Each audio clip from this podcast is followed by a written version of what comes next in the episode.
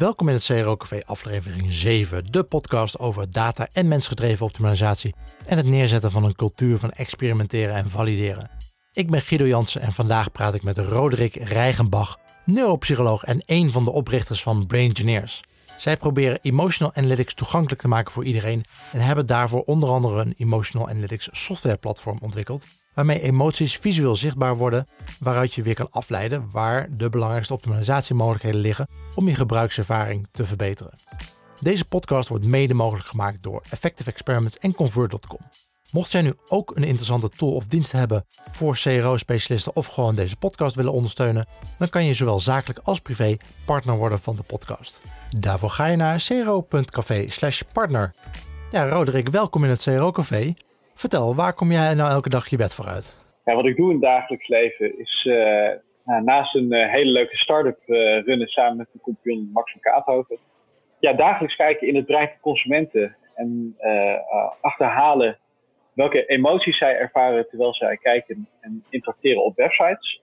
Om die manier inzichten naar voren te halen, hoe je websites kan optimaliseren. Door het weg te halen van deze frustratie, bottlenecks. En Brain Engineers bestaat al nu iets van vijf jaar, geloof ik? Oeh, volgens mij bestaat uh, Brain Engineers nu ongeveer zes jaar. Inmiddels. Okay, uh, ja. In ieder geval van idee, concept tot waar we nu staan. Ja. Uh, maar in de markt nou, hebben we zelf een, een mijlpaal gezet op uh, 2015. Dus nou, dat is pak een beetje vier jaar. En, en, waren jullie echt begonnen met, met het bouwen van een tool? Volgens mij niet, toch? Jullie waren begonnen gewoon meer, meer op advies. Nou, we zijn gestart met het idee om met neuropsychologische of nou, sociaal-psychologische inzichten communicatie te verbeteren. Dus eigenlijk heel breed. Ja. en met het motto: iedereen kan een brain engineer zijn. We wilden eigenlijk op een begrijpelijke wijze, zodat iedereen snapt ja, wat, wat, hoe psyche werkt in, in het verbeteren van consumentenbeleving. En sporadisch kwam eigenlijk een methodiek naar voren. Dus een combinatie met EEG en eye-tracking. Ik ben zelf neuropsycholoog, dus ik heb daar ook wat studies over geschreven. En nou, zodoende kwam sporadisch eigenlijk een methodiek genaamd neurousability. Uh, wat ja, het beste toepasbaar was, dus ook in online. Ja, toepasbaarheid was natuurlijk ook breed. We deden bijvoorbeeld ook metingen van passagiers tijdens vluchten met, met deze methodiek. maar dat zo helder was, omdat je terug kon kijken ja, hoe participanten door een webflow heen ging en wat een emotionele beleving was. Um, ja, dat had een enorme meerwaarde. nou, uiteindelijk ook het idee een beetje gepitcht. Want het was een beetje, nog, het begin was nog een ruwe kristal, om maar zo te zeggen. Een ruwe diamant. En um, nou goed, dat is zo uiteindelijk gelopen dat we het idee dachten van, hé, hey, als we dit nou in een cloud zetten, bijvoorbeeld die Adobe Creative Cloud, dan kan creatieve snel eigenlijk agile hun designs uh, optimaliseren. Dacht, nou, het idee gaan we misschien pitchen aan Adobe en we hadden contacten al verzameld. Ik dacht, ja, straks jatten ze ons idee. ja. En toen hadden we bedacht, nou, we gaan het zelf maken. Nou, en zodoende, dat is een heel traject geweest. Uh, ook met investeringsrondes. En, uh, nou, externe partijen die een MVP hebben gebouwd. En uh, uiteindelijk wordt intern getrokken. Nou, nu een heel mooi Emotion Analytics platform. Ja. En dat gaan we ook verder uitbreiden. Door je designs door jullie tool heen te halen. On, even oneerbiedig gezegd, door jullie ja. tool heen te halen. bied je enorme meerwaarde. Wat is die meerwaarde? De meerwaarde zit hem in uh, de emotion analytics. Dus wat we merken is dat klanten, of onze klanten, oftewel brands, uh, behoefte hebben om een emotionele intelligentie te verhogen, om maar zo te zeggen. Dus zij snappen dat een emotionele connectie met de klanten, met hun consumenten, een twee keer hogere meerwaarde heeft dan alleen maar tevreden klanten. Dus we hebben het over user experience, we willen de beleving verbeteren. Ja. Maar die ja, beleving gaat eigenlijk dieper. Dus we willen een emotionele band uh, creëren met, uh, met consumenten. Nou, dan merken we bijvoorbeeld waarom dat zo belangrijk is in uh, de nieuwe generatie. Nou, de nieuwe generatie is millennials. Dat ben jij ook, Guido, neem ik aan. Dat zijn wij allebei. maar ook een komende generatie. Ja, dat is Generation Z. ja, dat zijn eigenlijk millennials on steroids. Hè, op anabolen. Die geven alleen maar om coolheid van merken. Die willen alleen maar directe beloning. Die willen daadwerkelijk die emotionele connectie hebben met ook platformen, die user interface. Uh, alvorens zij mee gaan starten, alvorens zij uh, loyaal daar blijven of een ambassadeur zijn. Ja, en je merkt het natuurlijk ook terug in, in de conversie. Dus ja, voor onze klanten was dat die inzicht, die emotion analytics, het begrijpen van de beleving, de werkelijk emotionele beleving voor consumenten, dat achterhalen, dat is iets waar ze in willen investeren. Dus ja, eigenlijk innoveren eigenlijk. Hè? Dus kijken wat kunnen we eruit halen. Daarom zijn we dus ook als Brainteers een start-up. Dus kijken, is het relevant? Hoe kunnen we die relevantie bieden? Hoe kunnen we dat verbeteren? Nou, en de uh, toepassing wordt vooral nu heel erg gezet in conversieoptimalisatie. Ja. Daarom zit hier.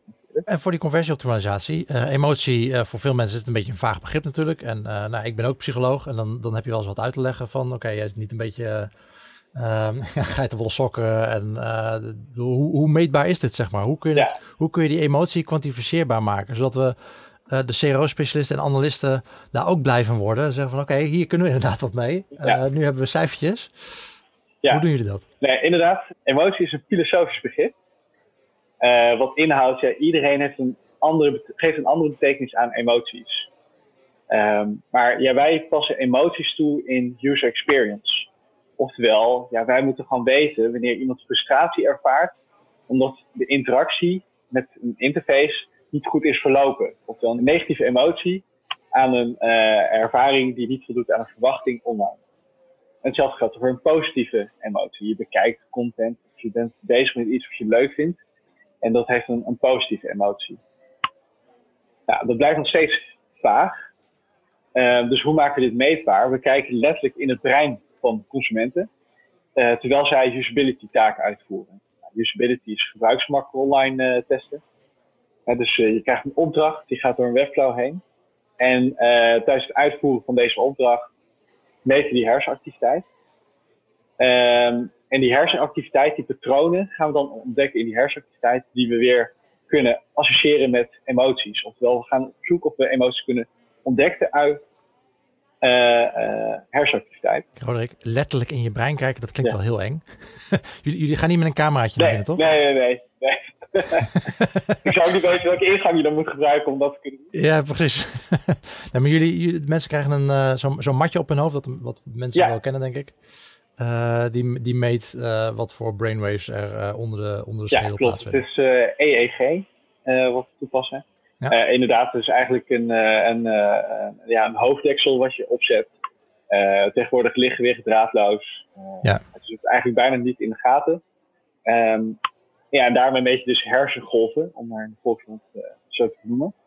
en uit die hersengolven proberen we dus patronen te ontdekken die we dan kunnen associëren met emoties. Oftewel, op die manier kunnen we emoties detecteren. Nou, klinkt nog steeds allemaal heel moeilijk, maar wat ziet nou eigenlijk onze klant in de Emotion Analytics? Op het moment dat je als gebruiker uh, inlogt in de Emotion Analytics platform, dan zie je eigenlijk alleen maar grafiekjes, oftewel lijntjes. Een rode lijn, een gele lijn en een groene lijn. Rood frustratie, veel aandacht en groen enjoyment. Um, en die lijnen die verschijnen terwijl je eigenlijk de user uh, uh, interaction kan volgen van één specifieke participant. Terwijl je kan meekijken met participant hoe hij door een webflow heen gaat. Dus elke stap die hij neemt, waar hij naar kijkt, waar hij klikt. En tegelijkertijd kun je die emoties volgen. Nou, mocht er bijvoorbeeld een enorme piek staan, ontstaan in frustratie, ja, dan is dat interessant. Wil je weten hoe men geïnteracteerd heeft. En misschien wil je eigenlijk ook wel feedback op dat moment vragen van die participant. Nou, ook die klantfeedback, dus die uh, user uh, feedback, die verzamelen in het platform. Op basis van ja, pieken in uh, emotionele beleving, dus frustratie of aandacht of uh, enjoyment. En dat doen we achteraf. Uh, wat we doen, we laten eigenlijk die participanten zelf kijken naar die video's, hoe ze geïnteracteerd hebben online, met die emotionele beleving bij, dus die grafiek die eronder loopt, dus drie lijntjes, kleurlijntjes. En bij die specifieke pieken wordt er uitgevraagd van, hey, hoe komt het nou dat jij deze emotie hebt ervaren? En dat verzamelen we dan eigenlijk met de interactie die heeft plaatsgevonden. Dus de emotie, interactie en feedback is dan die manier bij gekoppeld. En doe je niet voor één participant, maar natuurlijk voor meerdere participanten. Om die manier te kunnen kwalificeren waar je prioriteit moet zetten. En een gemiddeld onderzoek, hoeveel participanten praten we dan over? Ja, we doen minimaal 10 participanten per test. Uh, usability okay, onderzoek is een kwalitatief onderzoek. Je gebruikt eigenlijk alleen maar om hypotheses te vormen. Ja. Dus ja, met 10 participanten je snel. Wat je weer kan gebruiken als input voor de AB. inderdaad. Om beter te kunnen begrijpen van, hé, hey, wat waren nou eigenlijk die verwachtingen van de consument? Hoe kunnen we dat beter begrijpen en hoe gaan we nou een juiste hypothese vormen voor inderdaad een AB-test. Zien jullie dat veel gebeuren, dat, dat jullie werken als input voor AB-testen wordt gebruikt? Of wordt het vaak gewoon doorgevoerd? Hoe, hoe, wat is het niveau van de, van de klant? Hoe ja, het hangt natuurlijk af van het niveau van de klant. Hoe ze ermee omgaan. Ja. ja hoeveel resources, uh, hoeveel uh, visitors ze überhaupt hebben op een website om te kunnen ja. valideren of het een effect heeft. Heel lang gaat duren. Ja, efficiënte wijze is inderdaad deze methodiek. Hè, dus de hypothesevormen nou, dat geeft een input voor AB-testen. Uh, uh, nou, dan ga je dan een validatietest uitvoeren en dan doorvoeren. Uh, Maar ja, in sommige gevallen ja, kunnen we ook prioriteiten geven van hey, 10 van de 10 participanten hadden frustratie op dit onderdeel van deze pagina, misschien een homepage, misschien het begin van de tunnel. Um, dat kan al reden genoeg zijn om misschien direct al door te voeren, omdat het misschien zo'n no-brainer is. Um, dat je daar eigenlijk al direct kan kijken van hey, dit gaan we gaan doorvoeren en uh, kijken wat het dan uh, oplevert. Maar de verwachting is eigenlijk al zo hoog, of uh, verwachting zal waarschijnlijk zo zijn dat het een verbetering al gaat opleveren in conversie. Dus laten we maar gewoon direct doorvoeren. Jullie zeggen na het onderzoek laten de mensen hun eigen filmpje zien. Dan, dan kunnen ze zien, oké, hier had je frustratie, hier was, je, was je aandacht even kwijt, dit, dit vond je leuk. Er zijn ook genoeg psychologen die zeggen van ja, dat, dat, dat is leuk dat je aan participanten gaat vragen, maar uh, onze neocortex is een soort, nou ja, een soort passagier, zeg maar. Ja. onze, onze, onze hersenen die doen gewoon dingen en, en die passagier, onze neocortex, die, die moeten maar een verklaring voor zien te vinden. Um, hoe, nuttig zijn die, die comments die mensen dan nog geven? Um, in hoeverre kun je daar eigenlijk mee? Moet je dat echt met een flinke korrel zout nemen of, of dit daar hele nuttige dingen tussen? Nee, wat, wij hebben toegepast in de Emotion Analytics is uh, text mining. Dus op het moment dat er significante punten ontstaan, dus een piek frustratie op een bepaald moment tijdens een flow, en het komt overeen met meerdere participanten, dus bijvoorbeeld 10 van de 10 hebben dezelfde ervaring, en ze geven dezelfde feedback, ja, dan krijgt het een meerwaarde. Ja. Uh, als het maar een enkeling is, ja, nou ja, dan uh, inderdaad zou je dat met een korrel zout uh, kunnen nemen. Um, dus we kijken echt naar de top findings in zo'n test. Dus waar overeenkomsten zijn tussen meerdere participanten. Zelfs beleving, zelfs feedback. Die krijgt de hoogste prioriteit. Uh, maar goed, soms in de test hebben we iets van 120 punten die naar voren komen. Dus daarom is een rangschikking ook heel belangrijk. Je kunt aan elk feedback, aan elk significant punt kun je waarde aangeven. Maar juist een overeenkomst tussen meerdere participanten, ja, dat uh, geeft een hogere meerwaarde. Waar, waar in het proces zitten jullie vooral? Waar vinden jullie het fijn om te zitten? Ik kan me voorstellen dat, uh, dat bedrijven maken een, nieuw design, een nieuwe, nieuwe website bijvoorbeeld, of een, of een nieuw product. Uh, en dan komen jullie langs, jullie gaan jullie analyse doen en komen met advies voordat iets live gaat. Of zitten jullie vaak meer in een live omgeving, iets dat al geproduceerd is, dat, dat al live is? Uh, en, en gaan jullie dan ingrijpen? Ja, de Emotion Analytics wordt met name toegepast uh, op live websites. Dus echt voor website optimalisatie. Oké. Okay. Um, dat heeft meer te maken dat wij de journeys uh, doortesten. Dus op het moment dat je bezig bent met design heb je meestal een losse pagina's. Of, dan pak je de journeys achter elkaar, maar het is niet helemaal clickable. En we meten eigenlijk emotionele beleving. Mm -hmm. Dus met dat knoppen niet ja. werken, en dan zie je dat echt terug als frustratie. Ja, ja precies. En uh, je geeft alleen maar ruis in de data. Het moet wel een hele goede demo zijn. Ja, het, moet, het moet echt een feilloze demo zijn. Uh, willen we het uh, kunnen testen en in ieder geval daar hele mooie ja. analytics naar voren kunnen halen. Dus ja, met name voor website optimalisatie. Ja, we zijn bezig met nieuwe producten. Om te kijken ja, ook of we die statische testen, of we dat, sorry, statische pagina's kunnen testen. En dat heeft dan, hoe we dat willen gaan maken, is gebaseerd op data en voorspellingen. Dus we hebben ontzettend veel emotiedata ont, uh, verzameld door de jaren heen. En heel veel interactiedata, dus eye tracking en mouse tracking. Ja, en op basis van uh, image recognition zou je dus ook kunnen herkennen van hé, hey, dit is een chatbot. En dat lijkt op heel veel andere chatbots. En ik kan vergelijken met onze data, hebben we al eerder al meegemaakt. En welke emoties horen erbij? En welke feedback hoort erbij? Zodat we op basis van voorspellingen, uh, met als grondslag data, ja, eigenlijk ook dit soort informatie kunnen geven, wat weer interessant kan zijn voor design sprints. Dus aan het begin van, uh, van een nieuw design, ja. Uh, op het moment dat je naar een sprint een week al iets hebt staan, dan kun je dat eigenlijk doorheen halen om te kijken van hé, hey, wat is het nou eigenlijk op beleving en de emotionele connectie met, uh, met de consument, met de user. Zolang het maar redelijk goed geheel is, dat mensen niet gefrustreerd raken doordat je functionaliteit überhaupt nog niet werkt. Nee, precies. hey, en, en ik ben, ben wel super benieuwd hoe, hoe die participanten, jullie zeggen, nou, we, we nemen het tien.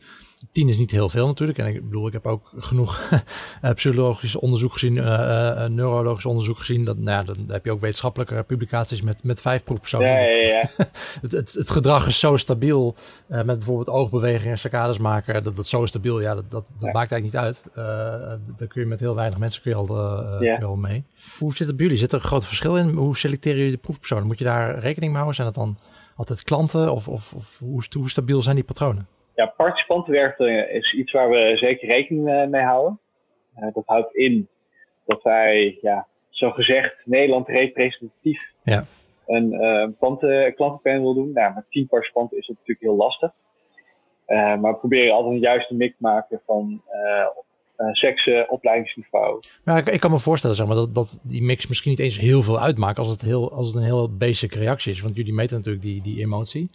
Uh, als dat bij heel veel mensen, uh, over heel veel mensen uh, gewoon gelijke reacties geven op, op bepaalde stimuli, dan maakt het misschien niet eens heel veel uit hoeveel, hoeveel spread je zeg maar, hebt in je, in je doelgroep. Maar dat, dat nee, wat je, wat je zegt inderdaad, 10 participanten is een, voor kwalitatieve testen is voldoende om inzichten naar voren te halen. Inderdaad, je zou altijd wel rekening moeten houden met je doelgroepsegmentatie. En op het moment dat jij bijvoorbeeld heel in de zakelijke markt zit, kun je niet met normale consumenten gaan werken en dus B2B schep je heel andere verwachtingen en gaat heel anders uh, gedrag vertonen. Ja. En dat vooral het laatste, het gedrag vertonen, dat, daar merken we eigenlijk het grootste verschil uh, ja, uh, voor je doelgroepsegmentatie. Uh, dus we proberen steeds meer rekening mee te houden, ook met klanten. Is bijvoorbeeld, nou, bijvoorbeeld noemen, voor T-Mobile zijn T-Mobile klanten ja of nee. Op het moment dat jij een T-Mobile klant bent, en je hebt al eerder natuurlijk al kennis gemaakt met de user interface van T-Mobile, dan ga je ander gedrag vertonen. Um, en er vallen andere zaken wat meer of wat minder op. Dus er zit zeker wel een verschil in. Uh, ook tussen culturen trouwens. We merken nu ook meer internationaal aan het zijn. Uh, dat er toch echt een degelijk verschil is tussen uh, de westerse markt en de Aziatische markt. Oké, leuk. Ja. Maar goed, ja, probeer zo goed als mogelijk rekening mee te houden. Maar hou wel rekening mee. Blijf kwalitatieve inzichten. inderdaad, wat, wat je zelf had aangegeven. Uh, met tien participanten merk je wel dat gedragingen relatief hetzelfde zijn. Uh, maar ieder mens blijkt ja, toch altijd wel anders te zijn. Ja, ik kan me voorstellen dat sommige dingen, kijk, iets wat opvalt, is meestal iets wat anders is. En daar reageren mensen natuurlijk goed op iets dat, dat onverwacht is. Uh, maar wat onverwacht is voor, nou ja, wat je voor, voor verschillende culturen. iets, iets is heel normaal in Japan, maar is bizar voor ons. Uh, dus dan krijg je natuurlijk een hele uh, reactie. En daarom kijken we altijd naar de meest significante punten, dus waar de overeenkomsten zitten tussen uh, de participanten. En wat, wat, wat rolt daar dan uit? want jullie, um, nou, jullie gaan het onderzoek doen. Rolt er dan inderdaad, wat je zei, een, lijstje met, met top aanbevelingen gerankt ja. op, op, op waar mensen ja, de meeste frustratie of joy of waar mensen snel de, de, de attention Ja, eigenlijk wel. Er ontstaat een, een enorme rangschikking van top significante bevindingen maar wel in een online interactief dashboard. Dus eigenlijk de testen uh, waar je het dus over hebt, ja, dat is redelijk snel uitgevoerd. Hebben maar twee werkdagen nodig om dat te doen. Alle data wordt automatisch verzameld en komt direct in een dashboard terecht. Want ja, iedereen wil agile werken, het moet dan snel uh, worden opgeleverd. Uh, dus in ons dashboard, ehm, ja, daar zie je eigenlijk alle emotion analytics. Dus de hele emotie customer journey, uitgeleid van de homepage tot aan de checkout met uh, alle emoties weergegeven. Hè, dus waar, in welke stap zie je het grootste piek in enjoyment of aandacht of frustratie. Um, een, of, een prioriteitenlijstje, dus wat je zelf aangaf. dus met die meest significante bevindingen, waarbij je kan zien van 10 van de 10 participanten hebben deze frustratiepiek ervaren op dit onderdeel van de pagina. maar ook page analytics. Stel je bent product owner van een specifieke onderdeel van, van die flow specifieke pagina of misschien een pop-up. Um, die informatie kun je allemaal losvinden. Van hè, wat zijn al die belevingen van deze pagina. Maar ook met daarin uh, in de rangschikking. Maar je kan ook losse uh, video's van participanten kijken. Dus je even met een participant mee kan kijken waar hij heeft naartoe gekeken op je uh, user interface. Waar hij op heeft geklikt en wat zijn emotionele beleving is. Dus je even in de huid kan kruipen hè, van, van die consument, van jouw gebruiker. Om dat eigenlijk helemaal op die manier te doorlopen. Oké, dat is ook wel. Ja, want mijn ervaring werkt dat heel goed als je, als je inderdaad usability onderzoek hebt gedaan. Je hebt het opgenomen en je, hebt, je, moet, je moet in je bedrijf die discussie aangaan van ja, oké, maar is het nu wel zo belangrijk? Of uh, ja. Ho hoezo moeten we hier wat doen? Uh, dat, is, dat is veel werk om dit aan te passen. Nou ja, dan, dan is het heel fijn als je een, een, filmpje kan laten zien van een paar consumenten die compleet uit hun plaat gaan omdat er iets niet werkt. Ja, ja, ja. dat, en dat, dat, mensen zien van oké, ja, mensen raken gewoon gefrustreerd met onze website of, of specifiek op dat punt. Ja. Uh, hier moeten we echt wat mee doen. Nee, klopt. Dat is precies wat wij merken. Het verandert uh, in de organisatie daadwerkelijk de taal. Men gaat meer in emoties praten. Oftewel, dat is ook user experience. Hè, de experience, de beleving. Het, uh, dat moet allemaal feilloos zijn. Dus inderdaad, als het goed gaat, kun je dus kunnen aantonen van hey, we zien alleen maar positieve belevingen voorkomen. De emoties, allemaal enjoyment. Uh, maar inderdaad, dan zeg ja, op het moment dat jij zegt van hey, er is enorme frustratie hier. En we weten dat dit de feedback is uh, die erop is gekomen. Um, hier willen we echt prioriteit aan geven. En dan heb je dat objectief vast in een dashboard. Uh, waarin je dat ook duidelijk kan laten zien met alle analytics erbij. Dus op die manier worden interne discussies beter beslecht. Convert is het bedrijf achter Convert Experiments, de knippervrije AB-testing tool met enterprise-level security die standaard volledig voldoet aan de GDPR-wetgeving. Daarnaast is Convert een goed voorbeeld van maatschappelijk verantwoord ondernemen. De organisatie is maar liefst 100 keer CO2-positief en Convert doneert elk jaar 10.000 dollar aan goede doelen. Om te zien hoe Convert ook voor jou het verschil kan maken, ga je naar convert.com/features. Jullie tool haalt dus die emotie uit het gedrag naar boven. Kun je het ook omdraaien? Kunnen jullie met, met jullie tool of, of met jullie ervaring dat jullie hebben, uh, kunnen jullie gedrag gaan voorspellen? Um, ja, inderdaad. We kunnen uiteindelijk nog niet uh, met emoties gedrag gaan uh, voorspellen. Um, daar heb je een enorme bak aan emotiedata nodig. Nou, inmiddels hebben we veel emotiedata. Nou, we testen dagelijks wel 20 participanten via onze tool. Ja, en als je dat koppelt aan die user interaction, dus waar men naartoe kijkt, waar men op klikt, of misschien sterker nog aan een veel grotere database, bijvoorbeeld Google Analytics of Hotjar, um, ja, dan kun je uiteindelijk op basis van emoties gedrag gaan voorspellen. En ja, dat is voor ons eigenlijk super interessant. Dat is ook iets waar we graag in investeren. Maar we weten ook dat het veel tijd kost. Uh, naar schatting, ja, dan hebben we zeker nog wel uh, na twee jaar nodig om dat goed te kunnen ontwikkelen op een, uh, een, een goede, valide wijze. zodat we enorme weer, meerwaarde kunnen creëren met emotiedata. Ja, precies. Dan zou je, dan zou je dus veel sneller uh, nadat je inderdaad een prototype hebt, uh, door, jullie taal, door jullie tool al even kunnen uh, laten scannen, zeg maar, en een soort van voorspelling kunnen doen van, nou, dit kun je verwachten. Ja. Dus sneller bijken zou kunnen stellen. Precies. Ik denk dat er echt een meerwaarde zal zijn op het voorspellen van gedrag op persoonlijkheid. Omdat we heel erg op individuen zitten. We zitten heel erg op journey doorlopen. Dus echt de gedrag op wat vindt de ene wel interessant, vindt de ander niet interessant. Ja. zien we dat we steeds meer profielen aan het creëren zijn. We zijn al bezig met benchmarken. Al benchmarken doen we eigenlijk meer aan de, de commerciële kant. Dus we kijken welke brand uh, hebben we data van. En in welke brandsegment hoort die dan? Bijvoorbeeld verzekeringen. En wat zien we daar in emotie voor en wat zien we daar in gedrag naar, naar voren komen? Het heeft vooral te maken dat bijvoorbeeld verzekeraars uh, eigenlijk dezelfde soort tool sets gebruiken op een home, op een website voor, voor autoverzekeringen ja, moet je al vaak direct je kenteken uh, invullen. Ja, dan weet je al hoe men daarop interacteert. Dan weet je al vaak welke emoties daar naar voren komen. En dan kun je het inderdaad andersom gaan draaien. Dus dan weet je van, hé, hey, er komt een keer een, kenteken naar voren op het moment dat je homepage uploadt. We verwachten eigenlijk dat de emoties dit zal zijn en dit is het gedrag wat erbij hoort. Nou, als je dus ook nog grote data erbij koppelt, dus Google Analytics, Hotjar conversietools, dan zou je dat ook op die manier kunnen voorspellen met een bepaalde zekerheid. Ja, hoe groot dat ook is, dat, dat uh, moet uh, blijken natuurlijk.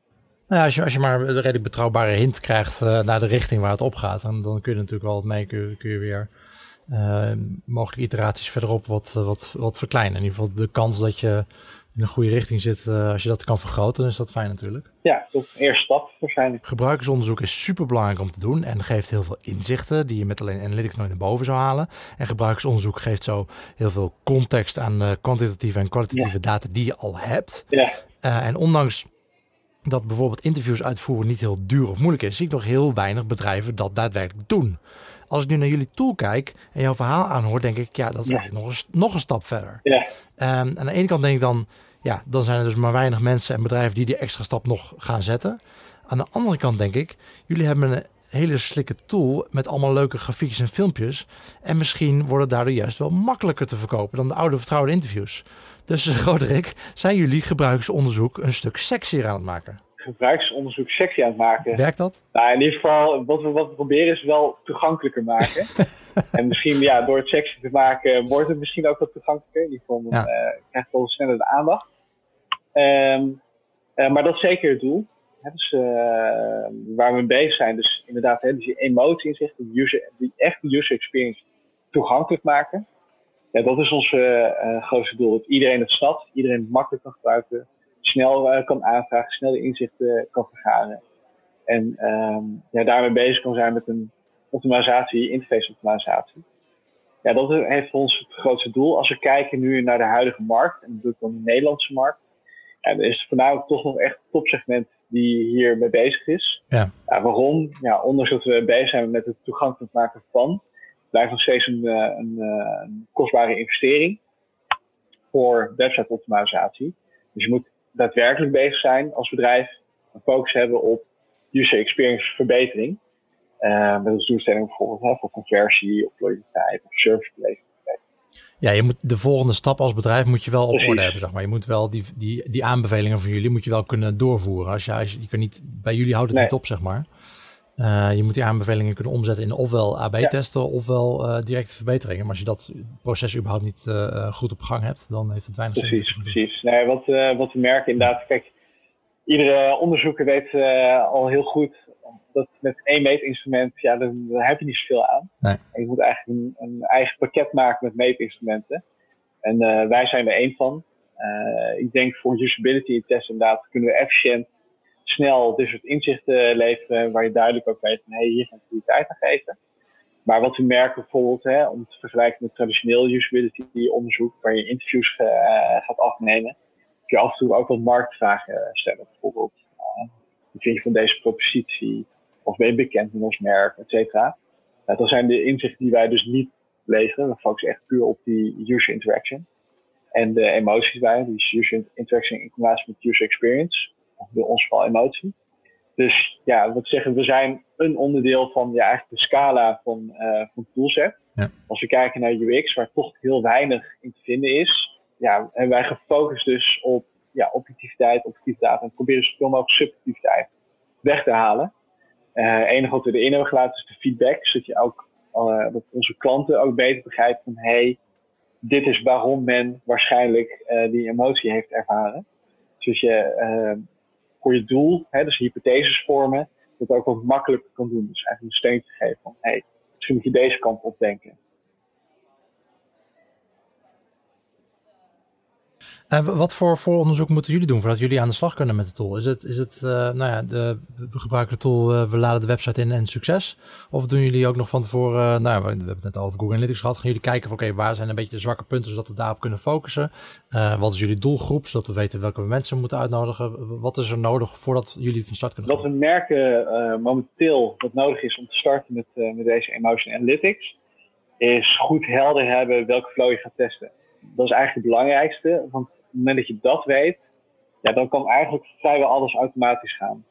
Dus stel je bent bezig met je, met salesflow en je weet dat daar een nieuw design op gaat komen. En je weet dat je, um, je doelgroep ja, dit budget uh, vaak uitgeeft en deze richting gaat en vaak kiest voor dit product. Maar je wil weten van, hey, hoe kun je het optimaliseren? Waar moet je rekening houden met een nieuw design of uh, et cetera? Dan heb je al een heel goed uitgangspunt om te gaan starten dan weet nou, dus dit scenario, dit product uh, partant aanschaffen. Dan zou je dat eigenlijk al zelf kunnen invullen in een formulier. Dus die formulier die zit ook in de Emotion Analytics uh, platform voor degene die er zelf mee aan de slag kan gaan. Het is gewoon eigenlijk kwestie van invullen en cent. Nou, en eigenlijk binnen uh, drie werkdagen heb je de resultaten in het dashboard. Nou, zo volwassen is onze markt niet, of zo moeilijk is misschien onze, uh, onze toolset. dus vaak gaat het met een belletje of even langskomen om een test te regelen. Ja, we hebben inmiddels uh, over usability onderzoek. dat kost vaak ook even tijd om het in te zetten, waardigheid in te zetten, intern alles afstemmen. maar als doel is wel dat het zo makkelijk moet gaan. Het moet daadwerkelijk een software als een server zijn. dus je moet eigenlijk via de software ja, al je testen kunnen opvragen en insights verzamelen. En we gaan kijken of we dat nog toegankelijk kunnen maken. Door een live versie van, uh, van een Emotion Analytics uh, platform te maken. Um, ja, of misschien een, een nieuw product wat echt online schaalbaar is, wat we eerder al hebben besproken, dat helemaal data gedreven is en werkt voorspellingen. Um, maar goed, we moeten groeien met de riemen die we zijn al inderdaad al best ver. Um, maar inderdaad, vaak komt nog voor even belletje moeten doen of echt wat. Als jullie dan een bedrijf spreken waarvan de medewerkers jullie tool willen gaan gebruiken en ze gaan om budget vragen of ze hebben juist de tool al gebruikt en willen de inzichten implementeren, wat zijn nog de grootste bottlenecks bij die bedrijven waar ze, waar ze tegenaan lopen om dat voor elkaar te krijgen? Ja, wat we wat we merken uh, voor uitdagingen uh, binnen de organisaties, binnen de bedrijven, is afhankelijk van profielen. Kijk, we weten dat UX'ers, deze die echt bezig met de echte UX-verbetering, die willen dolgraag ons uh, platform gebruiken. Inderdaad, je aangeeft, sectie, de school, je ziet alle data op basis van emoties. Um, maar wat zij merken is dat ja, UX-focus binnen een organisatie tot vandaag de prioriteit heeft. Er wordt vaak gekeken naar KPI's, dus omzet conversie. Um, dus je zou vaak dan een conversiespecialist moeten uh, overtuigen of een product owner. Uh, of misschien zelfs sterker nog een digital manager. Um, ja, dat, is vaak waar ze tegenaan lopen. Het kan ook zijn dat het uh, ligt aan, uh, aan ons budget voor het uitvoeren van dit soort, uh, van dit testen. Het kan zijn dat hij gewoon onvoldoende draagvlak is, heeft, omdat hij misschien alleen werkt. Of ja, dat hij met zoveel verschillende teams moet werken, bijvoorbeeld het development team. maar ook als een product owner of, of een andere manager. dat vaak die nog overtuigd moet worden. En dan moet gekeken, ja, past het eigenlijk in onze way of working? En hoe past het dan? En wie is waar dan voor verantwoordelijk? Um, ja, welke resultaten willen we eruit halen? Wat is eigenlijk het doel voor het gebruik van deze, uh, uh, van deze nieuwe toolset? En waarom weer een nieuwe toolset erbij? Um, ja, dat zijn alle vragen die naar voren komen. En ik kan voor z'n allen kan zeker argumenten verzinnen. Um, maar je moet je voorstellen voor, ja, voor dit soort profielen die eigenlijk heel graag mee willen werken. En eigenlijk uh, ook owner zullen zijn van dat platform, uh, het Emotion Analytics platform, omdat zij daadwerkelijk daarmee aan de slag gaan. Ik merk dat in een organisatie dat het voor hen het meest lastig is om uh, dit door de organisatie heen te krijgen. Ook vaak omdat ze de taal niet spreken. Ja. Dus, ja, wat is UX? Waarom is het belangrijk? Ja, jij weer met je, met je frustratiepunten hier en daar. We zien dat gewoon de omzet goed zijn. en ja, ons focus zit op een nieuw design. Dus waarom gaan we daar niet mee bezig? Plaats van optimaliseren van iets wat, uh, wat we al weten dat het uh, geoptimaliseerd moet worden. Ja, goed. Uh, een beetje de bekende clichés. Wil jij ook een cultuur van experimenteren en klantgedreven beslissingen opzetten in jouw bedrijf? Dit is niet iets wat vanzelf gebeurt. Het begint met het neerzetten van een betrouwbaar proces waarmee je experimenten in de gaten kan houden, kennis kan delen en waarmee je iedereen binnen je bedrijf op de hoogte kan houden van de voortgang en de resultaten. Effective Experiments is het CRO-succesplatform waarin je al je gebruikersonderzoek, experimenten en rapporten kan vastleggen op één centrale plek. Start vandaag nog met het bouwen aan jouw optimalisatiecultuur met Effective Experiments. Een demo aanvragen doe je via www.effectiveexperiments.com. Wat zijn de volgende stappen voor jullie tool? Nou, Braingineers is uh, heel erg bezig met internationalisering. En bezig met het maken van schaalbare producten. We hebben nu over hersendata, hersenonderzoek, emotiedata, uh, interaction voor ja, journeys heen. Uh, en onze missie is eigenlijk, ja, iedereen kan een Braingineer zijn. Iedereen kan met dit soort inzichten aan de slag gaan. Um, dus ja, voor de toekomst zijn we bezig om dit soort insights toegankelijker te maken. Dus we werken naar een light versie. We hebben nu een, Emotion Analytics waar je eigenlijk heel veel bevindingen naar voren komen.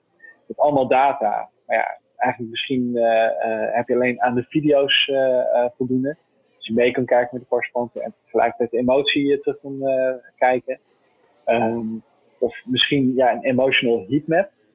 Dus dat op, op basis van ja, alleen uploaden van de homepage wij de emotiedata kunnen, kunnen weten. Van hey, waar kijkt men het meest naar, maar welke emotie zal men daar waarschijnlijk voor voeden en dat men daar naartoe kijkt. Um, er is nog zoveel te doen met emotiedata. Uh, nou, we hopen daar gewoon hele mooie nieuwe producten uit uh, te kunnen bouwen. Dus het is echt een, een feestje. We mogen weer nieuwe dingen creëren. Um, wat ik nog afvroeg, uh, is een van die nieuwe dingen dan misschien een integratie met bestaande analytics tools, zoals Google Analytics? Ja, we werken inderdaad toe naar integratie met andere platformen. dat staat voor ons nu op focus voor het einde van het jaar. En je moet dan denken aan mogelijkheden inderdaad met het koppelen van Google Analytics, waar je dus al enorme interactiedata hebt, het koppelen aan onze emotiedata. Uh, maar het kan ook anders. Dus bijvoorbeeld klantfeedback. Als je, je hebt heel veel klantfeedback tools natuurlijk. en wij ontvangen ook neurofeedback. Dus op basis van de emoties ontvangen wij ook feedback. En vragen uit waarom heb je deze frustratie ervaren. Um, dus je kunt ook ja, op basis van feedback een, uh, een uh, voorspelling kunnen maken van emotie en interactie. Ja. Dus ja, ook bijvoorbeeld met een Hotjar of Google Analytics, eigenlijk de tools die, eh, die iedere ja, CRO-specialist al kent natuurlijk. Uh, proberen wij te kijken ja, welke, welke koppelingen kunnen we maken, welke meerwaarde kunnen creëren. Uh, zodat je misschien ook gewoon ja, dit soort emotiedata kan koppelen aan eigenlijk tools die al beschikt. wat voor iedereen misschien wel makkelijker maakt. Nou goed, dat is iets voor in de toekomst. We zijn er zeker mee bezig. We weten ook zeker dat het relevant is. Dus het heeft uh, onze focus, staat op de roadmap. Uh, en we hopen iets te kunnen creëren. Dat is eigenlijk altijd uh, nog de vraag. En als er mensen nou hierin geïnteresseerd zijn, um, om, om, een beetje een idee te geven, want wat ik zei, heel veel bedrijven doen überhaupt geen usability onderzoek. Dat zou je sowieso moeten doen. is, is dit heel veel duurder dan usability onderzoek, wat, waarbij je gewoon wat mensen interviewt? Nee, het is, uh, nou, een gemiddelde prijs voor usability onderzoek is 5000 euro. Nou, dat is voor ons ook uh, hetzelfde bedrag. Ik denk, we kunnen gewoon open over zijn, uh, aangezien de doelgroep die er luistert, die, die weet het zelf ook. Um, ja, het is alleen een vraag, ja, op het moment dat je zelf usability onderzoek gaat doen, dan kost je tijd. En ja, ga je betalen dan voor usability onderzoek of ga je er zelf tijd in investeren? En wat past het, ja, het beste ook in je way of working? dus ben je gewoon weer meer ad hoc gewoon even informatie ophalen. Ja, dan is eigenlijk voor nu nog even snel even een interview doen. Maar op het moment dat je echt ja, een serieus focus hebt op UX-verbetering, ja, dan is het interessanter om usability onderzoek professioneel uh, te laten aanvragen. Dat je dan kant-klaar eigenlijk uh, naar voren krijgt van hey, dit kan naar voren, hier moet je prioriteit aan geven. En dan is de keuze, ja, ga je voor een tool, dus bijvoorbeeld onze Emotion Analytics platform, of laat je dat door een, een bedrijf doen die gewoon de interviews traditioneel meer die insight verzamelt. Ja, en jullie tool bespaart natuurlijk ook heel veel tijd. Ja, klopt. Die geeft gewoon aan, eh, oké, waar, waar zit de frustratie? Nou hier, dat hoef ik niet zelf bij te houden op mijn eigen kladblokje. nee, klopt. En je kan het makkelijk delen intern ook. Hè? Dus meerdere accounts kun je aanmaken. Dus nou, je kunt gewoon het hele team kan daar gewoon op inloggen. Ja. En ja, bijvoorbeeld s'avonds laat uh, nou, even interactief doorheen gaan. Um, maar nou, even kritisch te zijn, hè, dus het hangt heel erg af van je doel. Is het website optimalisatie? Nou, voor, voor conversie natuurlijk uh, heel erg interessant. Of ja, ben je bezig met een nieuwe propositie? Op het moment dat je bezig met een nieuwe propositie of iets dergelijks, ja, dan zou je bijvoorbeeld uh, toch naar het traditioneel moeten gaan om daar wat extra insights te kunnen halen. Uh, dus zoals gezegd, ja, het hangt heel erg af van de way of working. maar in ons tool, ja, dat is, een, een, kan een onderdeel zijn van. Superleuk. Hey, kunnen we jullie binnenkort nog ergens zien? Jullie organiseren uh, zelf ook uh, aardig wat meetups? Uh, ja, klopt. We organiseren wel regelmatig meetups. Volgens mij de volgende die staat in maart. Um, nou, we, hebben, we zijn net ook gevestigd in Londen. Dus daar hebben we ook in maart dan de eerste meetup. Oké, okay, tof. Nou ja, ik plaats in de show notes sowieso een link naar jullie meetup pagina. Hey Roderick, tof dat je langs wilde komen in het CRO Café. Top, hey, dank je. Dank je voor de mogelijkheid en we spreken elkaar snel weer. Is hey, goed, dankjewel. Hoi, doei, doei.